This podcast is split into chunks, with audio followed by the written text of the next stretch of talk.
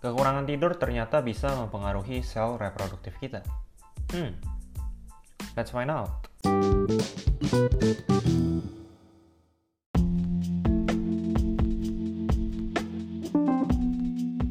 Kali ini gue bakal bahas tentang efek kekurangan tidur bagi sel reproduktif kita, bagi sel sperma dan sel telur manusia. Bahasa yang gue pakai di podcast ini adalah bahasa biologis teman-teman, jadi jangan pernah berpikir jorok.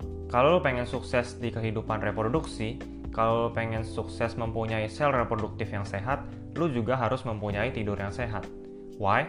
Para saintis di Universitas Chicago Amerika Serikat pernah membuat sebuah research yang mengagetkan mereka mengambil beberapa anak muda umur 20-an dalam kondisi sehat, lalu mereka membatasi anak-anak muda ini untuk tidur sehari cuma 5 jam. Waktu para saintis mengambil sampel dari level hormon yang ada di darah mereka, hasilnya level testosteron dari anak-anak laki ini mengalami penurunan yang sangat drastis. Wow, dan ini membuat mereka lebih tua 10-15 tahun dalam konteks level testosteron atau kualitas testosteron.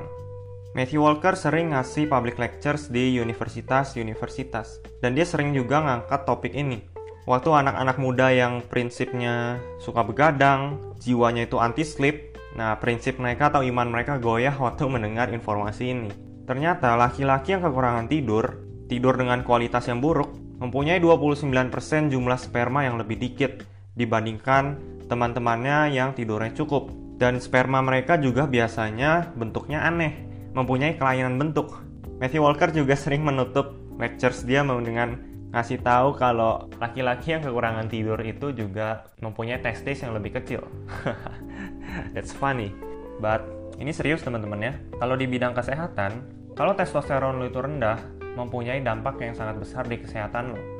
Laki-laki dengan testosteron yang lebih rendah itu lebih gampang capek, lebih gampang lelah, dan mereka lebih susah fokus dalam pekerjaan. Karena testosteron itu mempunyai efek yang sangat besar untuk membantu otak kita menjadi fokus, teman-teman.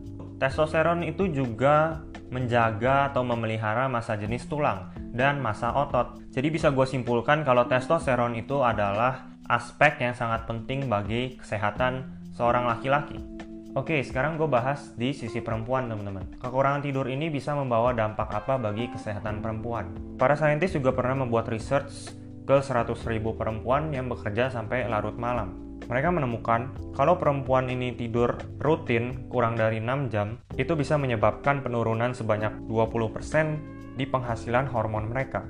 Dan para perempuan yang bekerja sampai larut malam bekerja tidak teratur, contoh kayak suster di rumah sakit itu, ternyata mempunyai 33% kemungkinan lebih tinggi siklus menstruasi yang nggak normal atau yang tidak teratur. Dan juga membuat mereka jadi lebih susah hamil.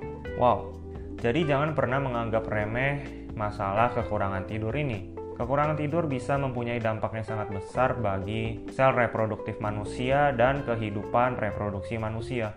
Stay sleep.